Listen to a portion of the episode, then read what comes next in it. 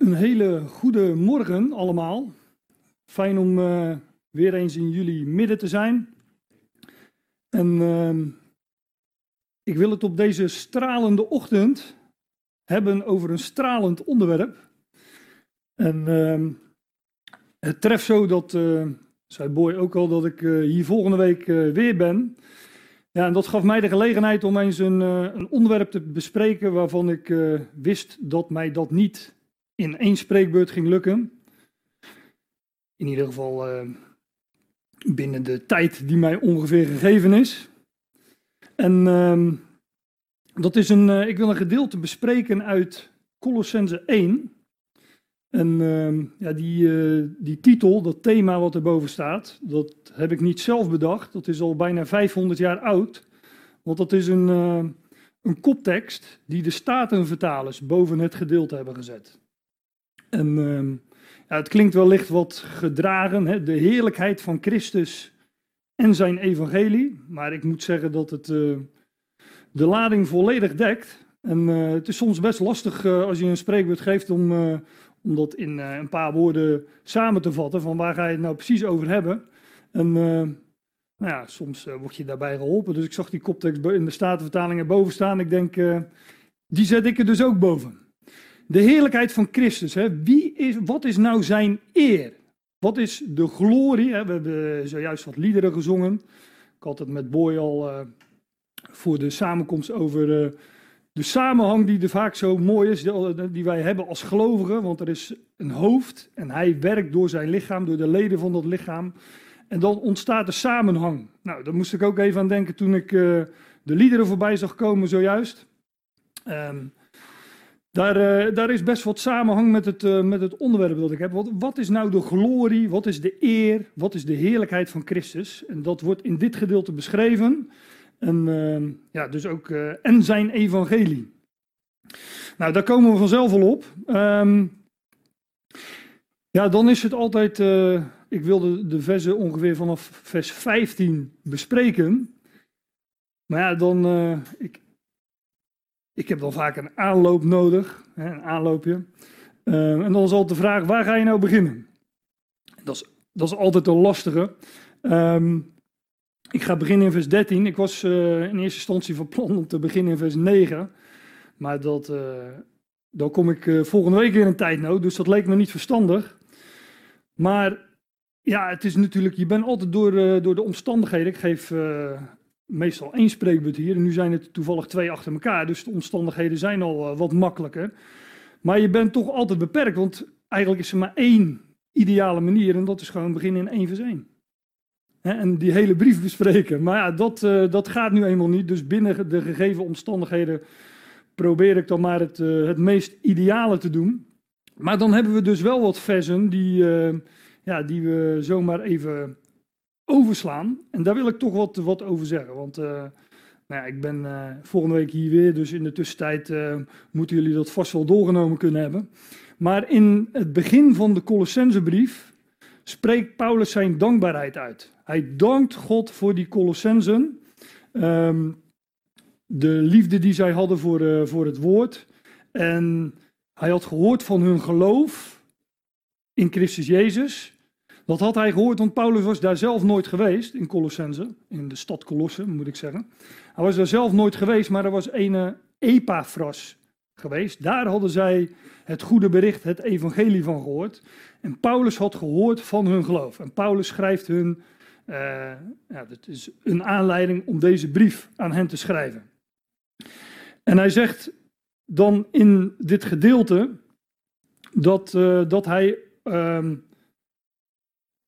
gehoord heeft van, en dat ze de genade van God in waarheid beseft hebben. Dat is uh, vers 6.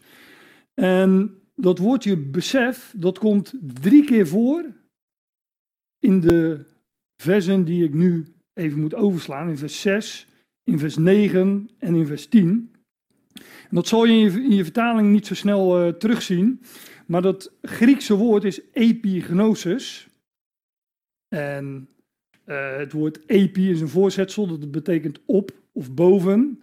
En gnosis, dat kennen we wel hè, van uh, gnostiek of gnostisch, dat heeft met kennis te maken, met weten. En epignosis is dus eigenlijk dat wat boven weten, boven kennis uitgaat. Op kennis of boven kennis. En ja, het is op zoveel verschillende manieren vertaald in de standaard vertalingen dat je eigenlijk geen uh, besef hebt van wat het woord nu precies inhoudt. Maar ik zou het het liefst vertalen met besef. Hè, dat wat boven kennis uitgaat. Besef of realisatie is ook een, uh, ook een mooi woord. Want je kunt iets weten, je kunt iets kennen, je kunt ergens kennis van hebben, maar besef, realisatie, dat gaat veel dieper. En dat is uh, wat dit woord betekent. De, zij hadden de genade van God in waarheid beseft. Dat is vers 6. En in vers 9 zegt daar, Paulus dankt eerst, maar dan zegt hij, ik bid ook voor jullie, tegen die Colossensen. Maar waar bidt hij dan voor? Nou, dat zij vervuld mogen worden met het besef van zijn wil. Dat zij werkelijk zouden realiseren, zouden beseffen wat de wil van God is.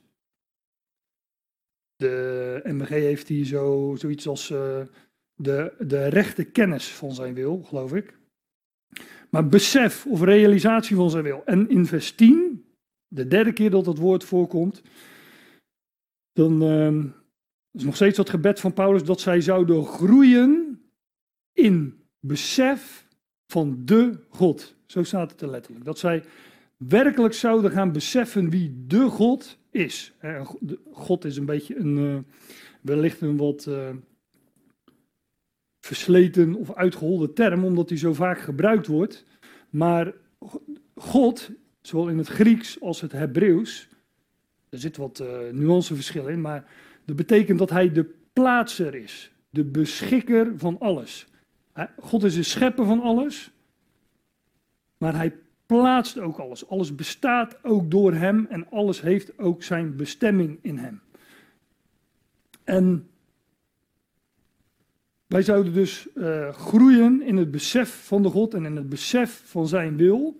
En in het gedeelte wat ik ga bespreken, daar wordt uiteengezet hoe God zijn wil, zijn voornemen, zijn plan gaat volvoeren. Hoe hij dat gaat vervullen. En dat doet hij in de zoon van zijn liefde.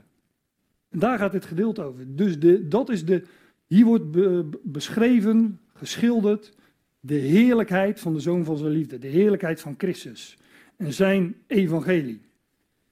Nou, een mooier onderwerp kan ik me nauwelijks voorstellen, eerlijk gezegd. Dus ik uh, dacht, nou, dat, moeten we dan toch eens, uh, eens bespreken. En uh, zoals gezegd, vang ik aan in vers 13.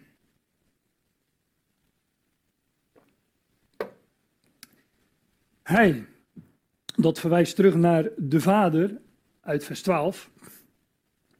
Hij die ons redt vanuit de autoriteit van de duisternis. En ik lees even verder. En hij plaatst ons over in of tot in het koninkrijk van de zoon van zijn liefde. Hier gaat het over uh, God de Vader die ons redt. Dat woord heeft ook alles met uh, trekken uit. Dat hebben sommige vertalingen ook, die ons trekt uit de autoriteit, de macht van de duisternis. Dus we worden uit het een gehaald en overgeplaatst in het ander. Dat is wat hier staat. En ja, dat vinden we vaker in Paulus' brieven, bijvoorbeeld in uh, Galaten 1 vers 4, dat hij ons tilt uit de tegenwoordige boze Aion. Deze Aion is boos, dit tijdperk is boos omdat de God van deze Aion hier de macht heeft. De macht van de duisternis. En daar tilt hij ons uit. Uh, ja, de God van deze Aion, zo wordt hij genoemd in, uh, in 2 Korinthe 4. Daar worden wij uitgered of uitgetild. Hij die ons redt vanuit, hij die ons redt, staat er verkeerd, zie ik nu. Hij die ons redt vanuit de autoriteit van de duisternis en hij plaatst ons over tot in het koninkrijk van de zoon van zijn liefde. Is wel leuk, dat, daar, daar moet ik altijd aan denken als ik dit vers lees. Dat hier staat, hij redt ons uit de autoriteit, uit de macht van de duisternis. En hij plaatst ons over in, en als ik nu de rest had weggelaten, dan zou het meest logische geweest zijn als je daarin zou vullen op de puntjes in het licht. Want dat is de tegenstelling. Maar er staat tot in of in het koninkrijk van de zoon van zijn liefde. Maar dat is licht. We hebben het lied niet gezongen, maar we kennen het allemaal. Ik wandel in het licht met Jezus. Maar licht heeft alles met, ook met kennis te maken. Hè? Of met de waarheid. Nou, ik noemde net al vers 6. De Colossens hadden de, uh, de waarheid, de genade van God in waarheid beseft. De waarheid was voor hen aan het licht gekomen. Nou, licht is ook een beeld van het woord van God. Uh, van God zelf, van, van Christus ook. Hè. Denk aan de hemellichamen, de zon. De zon der gerechtigheid is ook een beeld van Christus. Nou, er zijn allerlei uh, parallellen tussen natuurlijk. Maar hij redt ons vanuit de autoriteit van de duisternis. En hij plaatst ons over tot in het licht. En wij wandelen nu in het licht, maar er staat tot in het koninkrijk van de zoon van zijn liefde. Wij zijn dus overgeplaatst in het koninkrijk van de zoon van zijn liefde. En de zoon van zijn liefde, dat kun je op twee manieren opvatten. En de eerste is uh, wellicht de meest voor de hand liggende. Deze is mijn geliefde zoon, in wie ik een heb, of in wie ik al mijn welbehagen heb, vinden we een paar keer in de evangelie, dat een stem vanuit de hemel dat, uh, dat zegt. En dat, dus de, de zoon die God zo lief heeft, hè, dat, uh, dat betekent het. Maar het kan ook betekenen de zoon in wie God zijn liefde demonstreert. In wie God zijn liefde laat zien. En ik ga niet kiezen tussen die twee, want ik denk dat uh, de term gewoon beide betekenissen insluit. Want dit gedeelte, hè, ik had het als thema gegeven, de heerlijkheid van Christus en zijn evangelie, maar dit gedeelte laat ook zien het goede bericht, namelijk dat God zijn schepping lief heeft en dat hij dat in zijn zoon demonstreert, dat hij dat laat zien in zijn zoon. Maar daar, daar komen we dan uh, wel op. En hij plaatst ons over tot in het koninkrijk van de zoon van zijn liefde. Nou, dit heb ik even onderstreept, daar wilde ik uh, wat dieper op ingaan, want er zijn best uh, wat gelovigen die nogal wat moeite hebben met, uh, met die term het koninkrijk. Maar ik hoef die niet uit te leggen, want we hebben zojuist een aantal liederen gezongen waar het in voorkwam. En dat zaten jullie allemaal eh, mee te zingen, zag ik. Dus, maar nee, er zijn nogal wat gelovigen die zeggen, ja, maar dat koninkrijk, dat is toekomst de openbaring van het koninkrijk, dat is toekomst. De Messias zal wederkeren, hij zal zijn koninkrijk openbaren. Via en via Israël zullen alle volkeren gezegend worden. zeg ja, maar dat is, dat is maar de helft van de waarheid. Dat koninkrijk zal in de toekomst geopenbaard worden, maar dat betekent niet dat het koninkrijk er nu niet is. De koning heeft zich aangediend, de koning Messias. Hij heeft zich aangediend, hij was de komende koning. Alleen Israël heeft hem verworpen. Maar hier staat in een van die gevangenisbrieven van Paulus dat uh, dat koninkrijk er wel degelijk is. Maar dus is het een verborgen koninkrijk, want wij zien daar nog niets van. Nou ja, dit is een verwijzing naar Lucas 19, vers 11. Daar, uh, uh, daar staat eh, zoiets als dat de Heer Jezus nog een gelijkenis vertelde, omdat zijn discipelen dachten dat het koninkrijk terstond openbaar zou worden. Nou, dat gebeurde dus niet. Maar uh, er gebeurde natuurlijk wel iets met de koning en het koninkrijk, namelijk dat werd verborgen. Nou, laat ik daar verder maar, uh, maar niet op ingaan. Dit, dit, dit, deze schriftplaats, Colossense 1 vers 13, is voor mij overigens wel het sterkste bewijs dat, dat dat koninkrijk zeker wel bestaat. Alleen in een verborgen vorm. Trouwens, de Hebreeënbriefschrijver zegt in hoofdstuk 2 dat alles aan zijn voeten onderworpen of onderschikt is. Alleen, wij zien dat nu nog niet. Dat staat er echt bij. Wij zien nu nog niet dat hem alle dingen onderworpen zijn. Dat wacht totdat hij die positie gaat opeisen. Dat vinden we al in Psalm 2 en al veel eerder natuurlijk. Maar in wie wij de verlossing hebben, de vergeving van de zonden. Wij hebben dus verlossing en vergeving van zonden.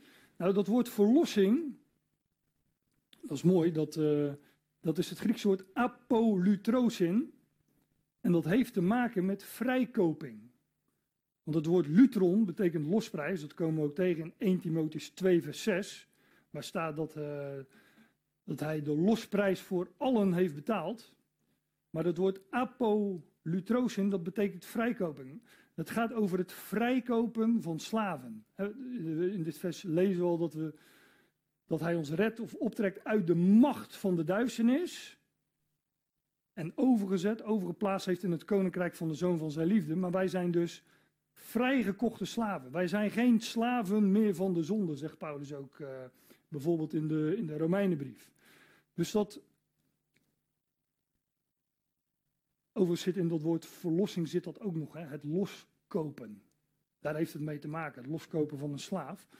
In wie wij de verlossing hebben, de vergeving van zonde staat er dan, maar ook daar wil ik iets over zeggen. Aphesin betekent letterlijk loslating.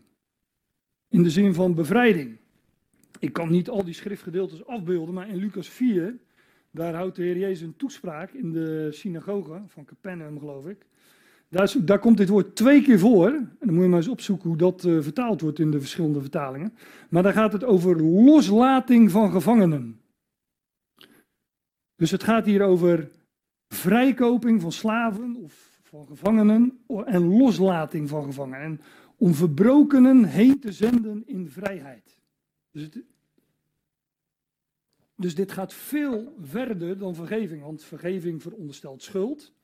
En vergeving is dan het niet zien van schuld of het kwijtzelden van schuld. Maar dit, dit gaat veel verder. Wij zijn bevrijd van zonde.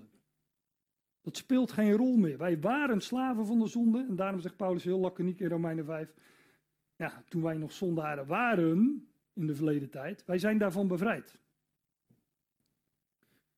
In wie wij de vrijkoping hebben, of de, loslating, de bevrijding van de zonde. en dan kom ik in vers 15, waar ik uh, aan wilde komen. Hij, de zoon van zijn liefde, hij is de afbeelding, het beeld van de onzichtbare God. In het Grieks is dit het woordje icon. Dat zie je onderaan uh, in, de afbeelding ook van de interlineair. En dat woord kennen wij nog, hè, een icoon.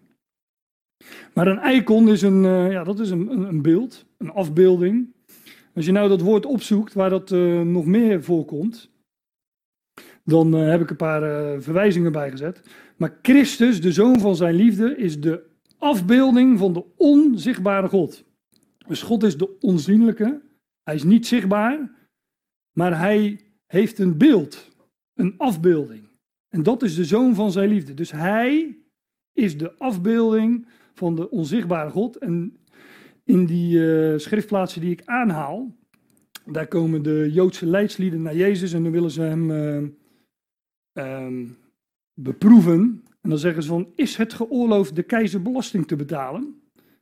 En dat was een strikvraag, want als hij uh, ja zei, dan uh, kreeg hij het aan de stok met, met de Joden.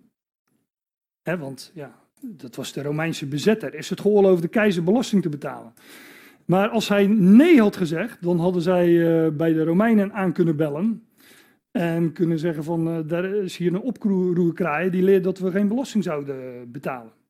Dus zowel het antwoord ja als het antwoord nee zou de Heer mee in problemen komen, om het uh, menselijke wijs uh, te zeggen. Dus wat zegt de Heer nou? Hij zegt, geef mij eens zo'n belastingmunt. Een, uh, een denarius. En die geven ze aan hem en die houdt hij omhoog en zegt hij, wiens beeltenis, wiens beeld is dit? Dat zal Julius Caesar wel geweest zijn, geloof ik, in die tijd. Maar in ieder geval die van de keizer, de Caesar. En dat zeggen ze dan ook, ja, de, van, van, de, van de keizer. En dan zegt de Heer, uh, nou, geef maar aan de keizer wat van de keizer is. En geef aan God wat van, uh, wat van God is. Een schitterend antwoord natuurlijk, waarna de mensen die hem wilden beproeven natuurlijk ook afdropen. Maar het gaat mij er even om van, de Heer houdt die munt op en hij zegt, wie, wiens beeld is dit? En dat doen wij ook, hè, als we een uh, muntje pakken. Ik zat net in de auto, toen had ik twee muntjes van uh, 20 cent liggen. Nou, daar staat, ik, ik kon niet echt wijzen uit wat daar nu precies op stond. Maar ik heb ook maar kort gekeken, want ik wilde hier nog veilig aankomen. maar op de, op de euro-muntstukken, daar zullen wel ook het hoofd van Willem-Alexander staan. En uh, vroeger toen ik uh, nog heel jong was en in de kerk zat, toen zat ik vaak die uh, guldens te bestuderen die ik in de collectezak moest gooien. En daar stond dan koningin Beatrix op. En dan zeggen we, wie is dat? Ja, dat is koningin Beatrix. Of dat is Willem-Alexander. Maar dat is hem niet. Het is een beeld van Willem-Alexander. En nog een voorbeeld. Ik fiets elke werkdag langs het Feyenoordstadion. Mag dat zeggen in Den Haag? Het is nou eenmaal zo. Dus fiets ik langs het Feyenoordstadion. Daar stond vroeger een standbeeld van Koen Moulijn. Een uh, oud linksbuiten geloof ik van, uh, van Feyenoord. En dan zeggen we van, voor mij hebben ze het nu weggehaald, want het waren supporters van een andere club die er iets mee uitgehaald hebben. Maar dan zeggen we, van, wie is dat nou? Dat is Koen Moulijn. Maar dat is niet Koen Moulijn, het is een beeld van Koen Moulijn. En zo is de Heer, het zijn natuurlijk uh, menselijke vergelijkingen, maar zo is de Heer de zoon van zijn liefde, de afbeelding van de onzichtbare God. God is de onzienlijke, de onzichtbare, maar wanneer wij de zoon zien, dan zien wij in hem God. God openbaart zich in zijn zoon. Daar komen we zo nog op. In hem woont heel de volheid van de Godheid op lichamelijke wijze. Hij is het beeld van de onzichtbare God. Hij is niet God zelf, hij is het beeld van de onzichtbare God. En ja, ik heb het er niet bij gezegd maar, in het begin, maar ik zou uh, bij elk vers, zo ongeveer in dit gedeelte, en soms al bij elk zinsdeel, zou een complete studiedag van kunnen houden. En dit, dit is er eentje van, want ik wil niet te veel ingaan op, uh, op theologie en wat men ervan heeft gemaakt. Maar dit wordt toch wel uh, vaak misverstaan. Men leert er is een drie-eenheid en die bestaat uit uh, drie. Nou, ik, ik, ik, kan het niet uitleggen, want het is ook niet uit te leggen. Maar er is een godheid die staat, bestaat uit drie personen: God de Vader, uh, God de Zoon en God de Heilige Geest. Maar dan noemt men God de Zoon. Nou, dat vind je dus nergens in de schrift. Hij is de Zoon van God en hij is het beeld van de onzichtbare God. Hij hij is de eerstgeborene van de gehele schepping. Ik wil nog twee schriftplaatsen aanhalen waar staat dat hij het beeld van God is, de afbeelding van, van God. Val ik natuurlijk ook weer midden in een gedeelte. 2 Korinthe 4. Dat gaat over ongelovigen in wie de God van deze hè, die, uh,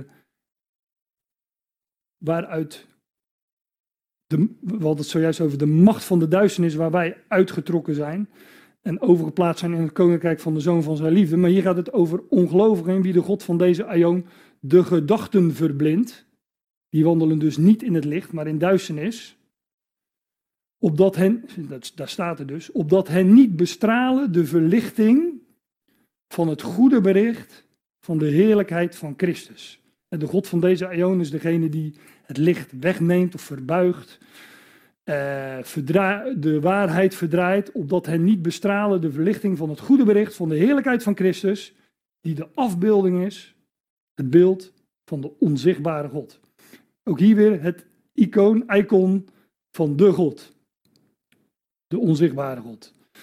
De God, Hebreeën 1, de God die lang geleden vele malen en op veel manieren tot de Vader gesproken heeft in de profeten, spreekt in deze laatste dagen tot ons in de zoon. Die hij plaatst tot lotbezitter of erfgenaam van alles. Zullen we ze ook nog zien in Colossense. Dus God heeft al die voorliggende tijden gesproken op veel malen en veel manieren. In allerlei beelden, maar ook in uh, heldere, klare taal. Tot de Vader in de profeten, maar hij spreekt in deze laatste dagen tot ons in de Zoon. En die zoon, die plaatst hij tot lotbezitter, erfgenaam van alles. Alles valt hem toe. De zoon van zijn liefde, zoals hij in Colossense 1 wordt genoemd. Alles zal, alles is zijn bezit. Alleen nu zien wij dat nog niet, maar er zal een moment komen dat dat wordt. Die hij plaatst tot lotbezitter van alles, door wie hij ook de ionen maakt, de tijdperken. Dat is een meervoud trouwens, zeg ik er maar bij, want in de meeste vertaling staat door wie hij de wereld maakt.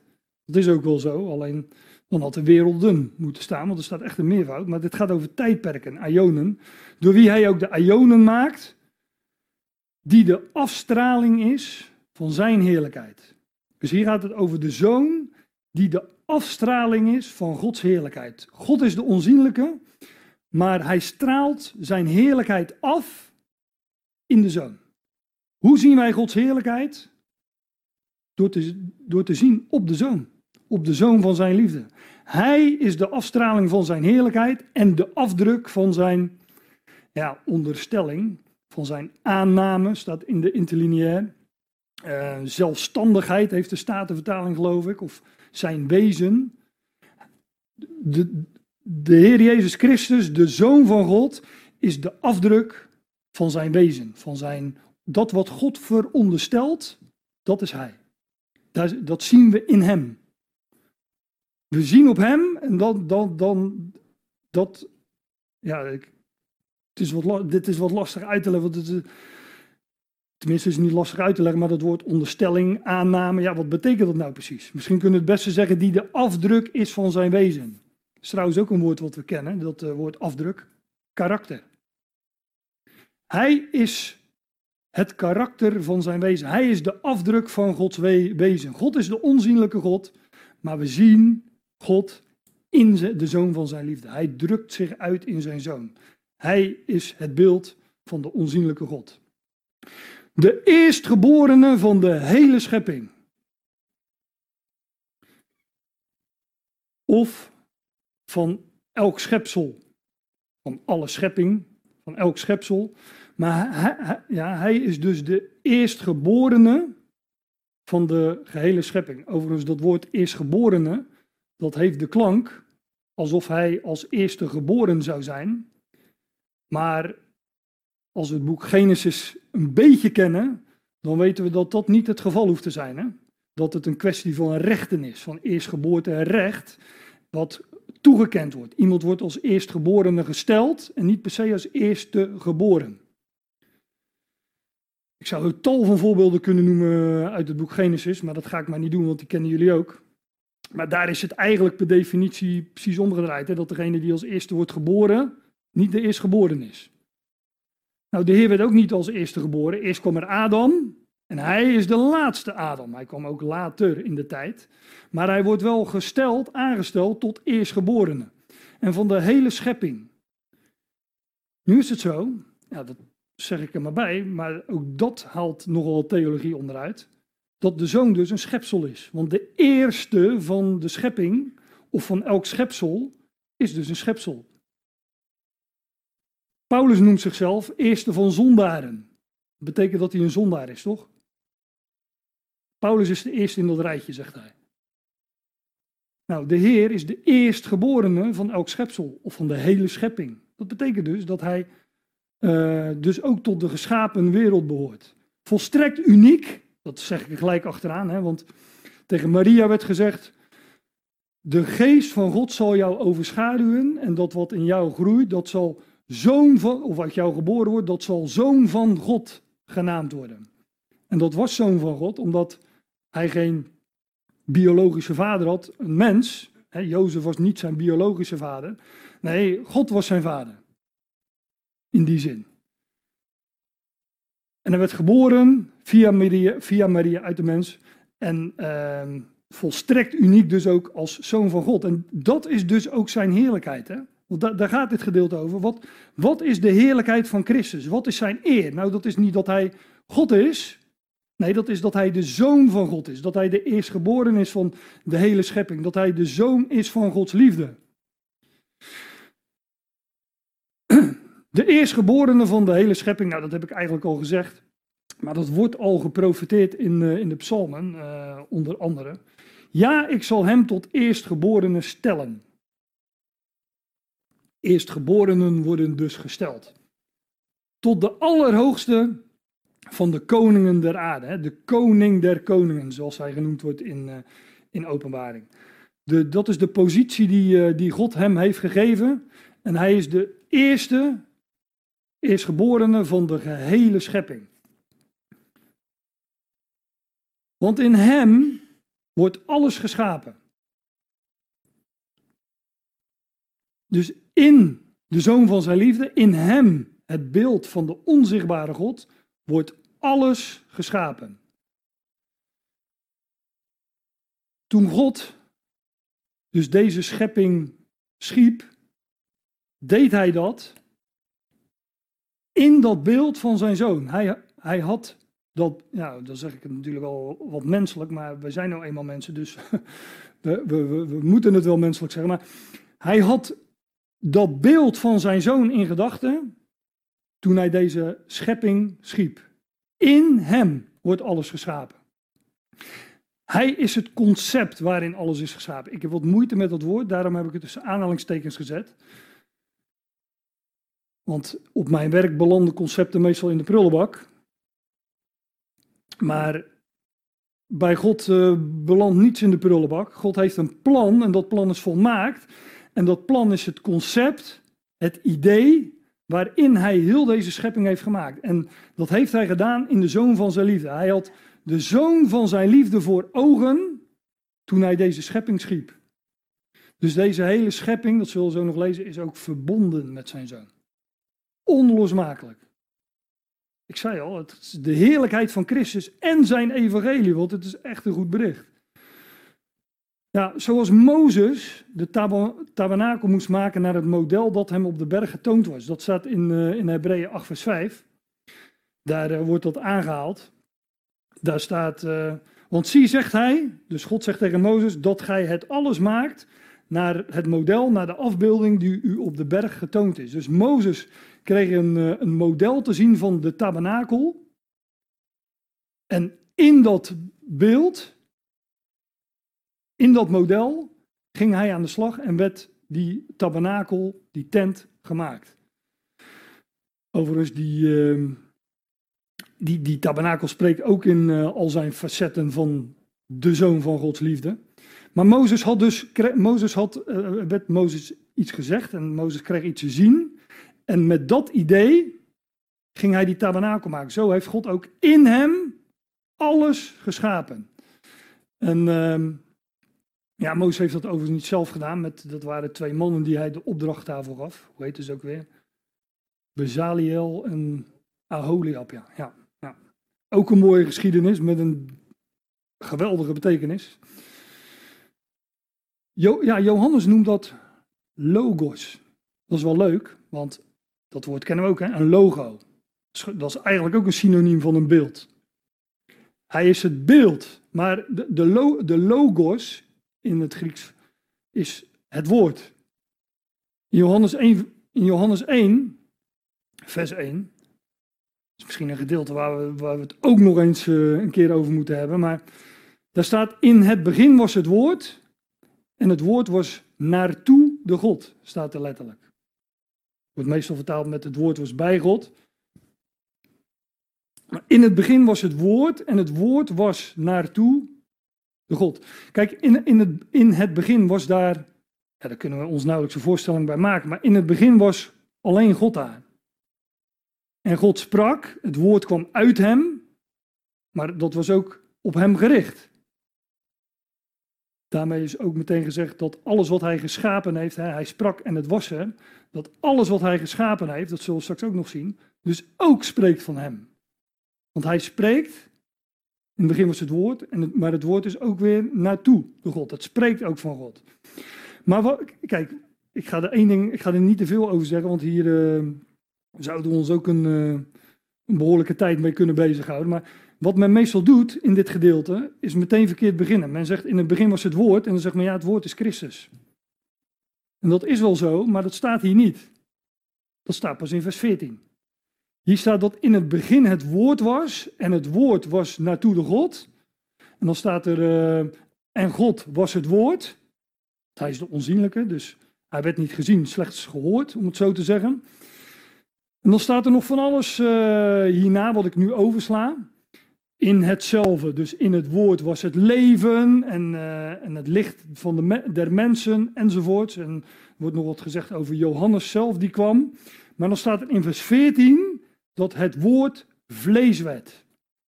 Het woord werd vlees en heeft onder ons gewoond. Dus toen God sprak, hè, in het begin was het woord, dat woord was naartoe door God. God was het woord. Maar op zeker moment werd daar geboren de Zoon van God. En dat woord, wat God gesproken had, werd vlees. En hij heeft door dat woord ook alles gemaakt. Dat vinden we hier ook in het hoofdstuk. Maar dat woord heeft onder ons getabernakeld. Hè, dat, we, dat woord heeft alles met een tent te maken. En in uh, de Hebreeënbrief waar het over de tabernakel gaat, wordt het ook vertaald met tabernakel. Natuurlijk gaat het ook over dat hij tijdelijk onder ons gewoond heeft. Dat is niet vreemd, wij wonen allemaal hier tijdelijk. Maar het woord werd vlees en heeft onder ons getabernakeld. Dus dat woord, dat idee, die logos, Gods woord, werd vlees in de Heer Jezus Christus. En ik haalde net al dat voorbeeld aan van uh, de tabernakel. Die tabernakel werd ook vanuit een idee, materie. daar was eerst een idee, dat werd Mozes voorgehouden en Mozes ging dat materialiseren en zo werd die tabernakel vlees, om het zo te zeggen. Die tabernakel werd zichtbaar. En zo is God ook zichtbaar in zijn zoon, de Heer Jezus Christus. Hij is het beeld van God. Want in hem wordt alles geschapen. In de hemelen en op de aarde. Het zichtbare, het onzichtbare. Het zij tronen, het zij heerschappijen, het zij overheden, het zij autoriteiten. Het alles, of het al, is door hem en tot hem geschapen. Ja, dit zijn ook versen die zou je ook op je, dus ook een vers zou je ook op je in moeten laten werken, want ook dat geeft zo'n enorme rust, hè, dat alles in hem geschapen is. Ook al die dingen die ons totaal niet aanstaan. Hè, wat we om ons heen zien. Overheden, autoriteiten waar we het misschien niet mee eens zijn. Het zichtbare, het onzichtbare, alles. Niets is daarvan uitgezonderd. In hem is alles geschapen. Het al, tapanta in het Grieks, het alles is door hem en tot hem geschapen. De zoon van Gods liefde is dus Gods beeld, Gods afbeelding, waardoor, waardoorheen, hij is het kanaal, en waar, nee, waarin en waardoor en waartoe hij alles schiep. Ja, dat alles door hem is geschapen, dat, uh, dat wordt ook nog eens misverstaan. Dan zegt men van hij is de medeschepper. Hè? Hij is als het ware, maar als het ware de zoon die dan naast God zou gestaan hebben toen God de wereld schiep. Maar daar hebben we wel wat schriftplaatsen uh, voor die, uh, ik heb er twee, ik druk ze niet eens af. Ik haal ze alleen even aan, Job 9 vers 8 en Jezaja 44 vers 24. Waar echt staat dat God plechtig verklaart, ik alleen heb de wereld geschapen of de hemelen geschapen of hoe het er ook staat. Nee, dat hij door hem alles heeft geschapen, dat is dat hij door hem heen, het kanaal, vanwege hem heeft hij alles geschapen. Het al is in hem, door hem en tot hem geschapen. Nou, dat vinden we vergelijkbare woorden natuurlijk ook in Romeinen 11, vers 36. Want in hem wordt het al, het al, tapanta, het al geschapen, het alles, in de hemelen, op de aarde, het zichtbare, het onzichtbare, het zij tronen, het zij heerschappij, het zij overheden, het zij autoriteiten. Het al is door hem en tot hem geschapen. En hij is voor alles. En alles staat samen in hem. Nogmaals, hij is de eerstgeborene van de hele schepping. Dus hij in rang is hij voor alles. Hij is de, de eerste, de eerstgeborene, de eersteling, enzovoort. In alles is hij de eerste. Hij is voor alles en alles staat samen in hem. Ja, dat is mooi, dat uh, alles staat samen in hem. Is niet uh, in elke vertaling even lekker vertaald. Maar dit betekent dat alles in hem, ja boy, zijn samenhang heeft. En we hadden het zojuist even over dat dat in het lichaam van Christus ook zo is. Wij hangen allemaal met elkaar samen, om het zo te zeggen. En vandaar dat er ook samenhang ontstaat als wij ons aan laten sturen door ons hoofd en bijeenkomen rondom zijn woord.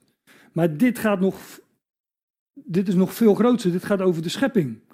Alles staat samen in hem.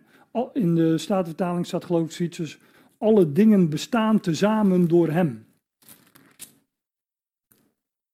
Ja, alle dingen bestaan tezamen door hem. Dat betekent dat alles, het al, het geheel, het heelal, zijn samenhang heeft in hem. Dus alles in deze schepping houdt verband met hem en spreekt van hem. En ik denk dat we hier nauwelijks een idee van hebben. We mogen daaraan ruiken, denk ik wel eens. Maar ja, denk aan de sterrenhemel, de sterrenbeelden. Natuurlijk, die spreken van Hem. Die hebben een samenhang in Hem. Denk aan uh, de natuur. De, in, de, in, de, winter sterft het af en in het voorjaar uh, richt het, komt het weer tot leven. Natuurlijk spreekt dat van Hem. Maar zo spreekt alles in deze schepping van Hem. Nou, dan is er nog heel veel te ontdekken, uh, denk ik zomaar. Maar natuurlijk ook in het woord is dat zo. Hè?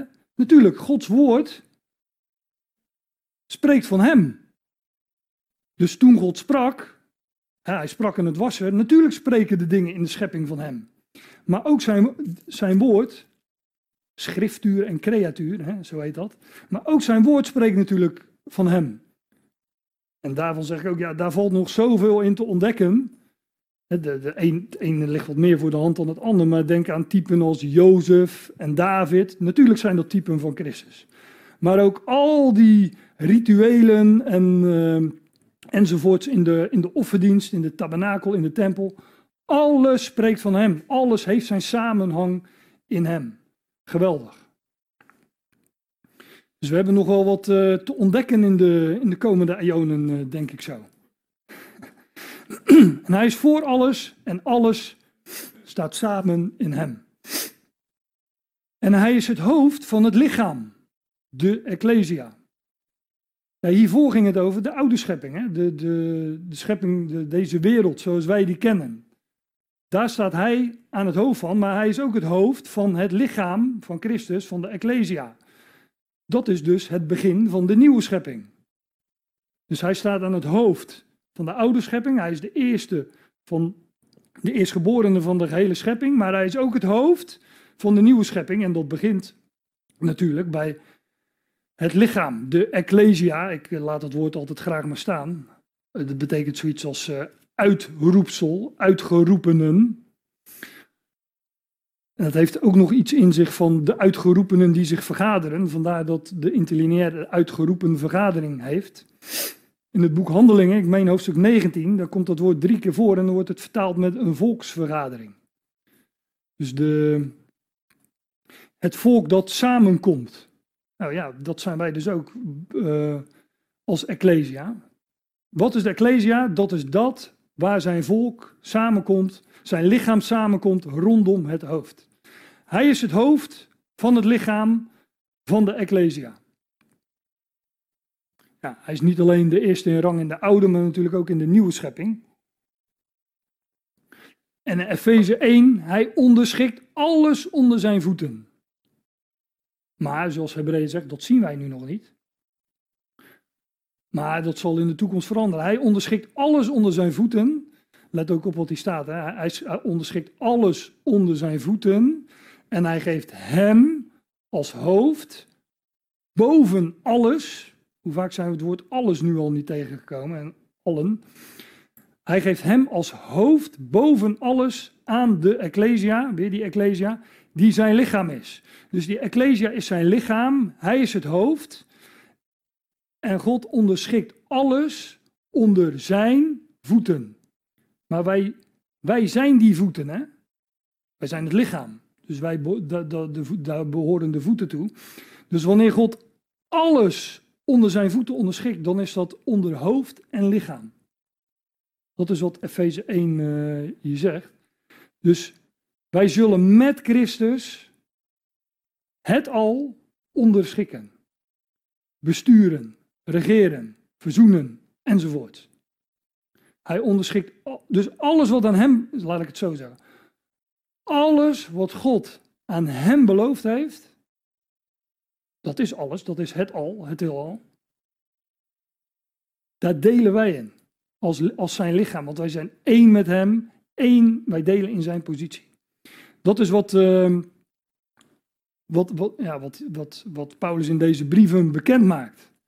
En uh, ja, ik zei al, ook, daar kunnen we ons nauwelijks een, eh, een, voorstelling van maken natuurlijk. Maar dat het geweldig is, dat, uh, dat durf ik te zeggen. Dat we, ja, dat, dat, geweldig. God gaat deze hele schepping brengen waar hij het hebben wil. En dat doet hij via de zoon van zijn liefde. Hij is het hoofd en daar zijn wij in betrokken. Daar delen wij in. Wij delen in die positie. Wij delen in de belofte van Christus Jezus. Dat is weer Efeze 3, vers 6. Geweldig. Hij is het hoofd van het lichaam van de Ecclesia. Hij is het begin, de eerstgeborene uit de doden, opdat hij in alles, daar is hij weer, alles de eerste zou zijn.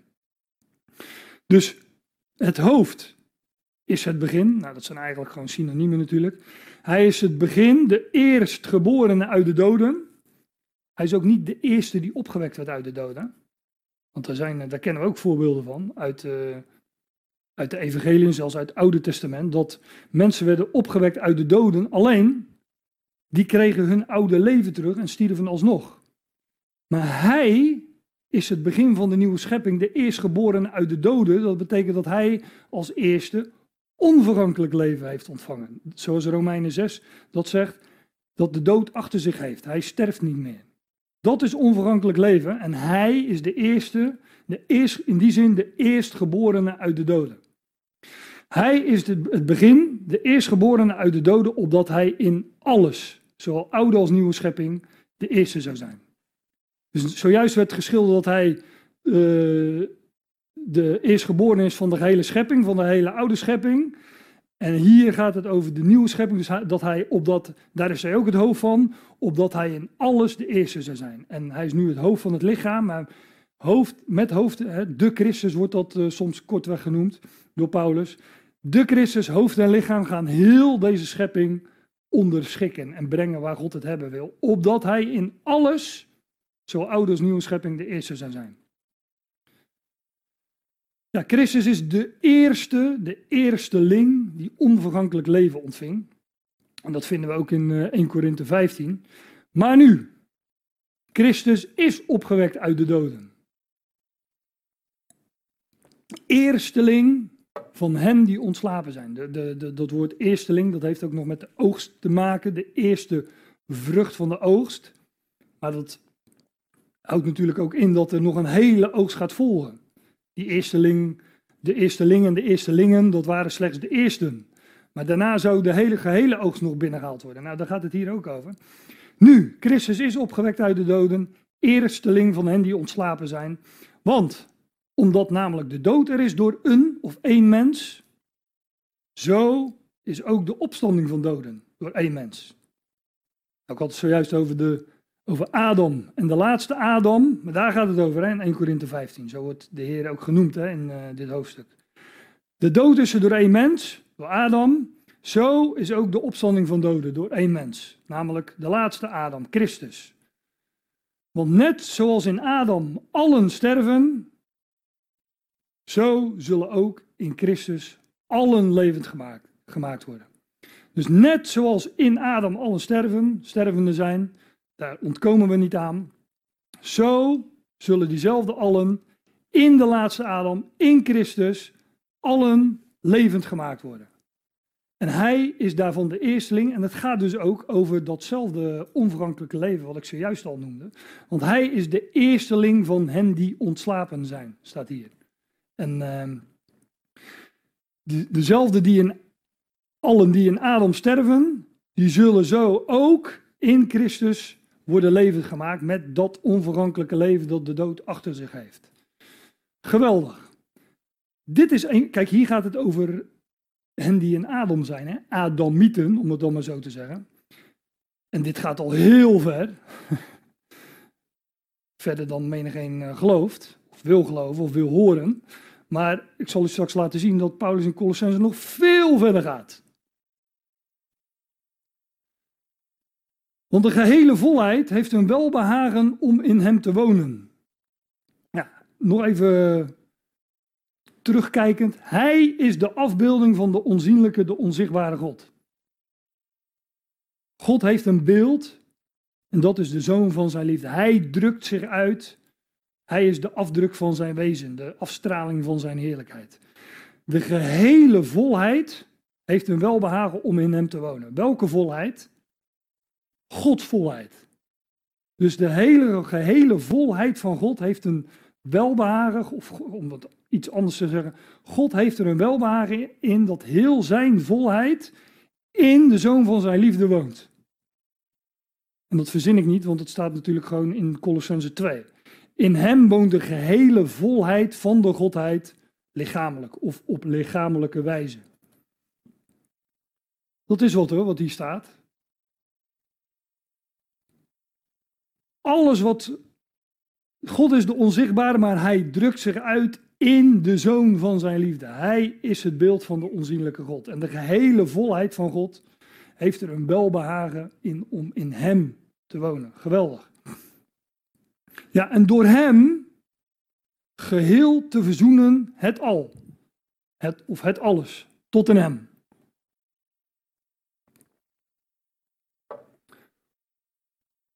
Verzoenen, dat is uh, het veranderen van vijandschap.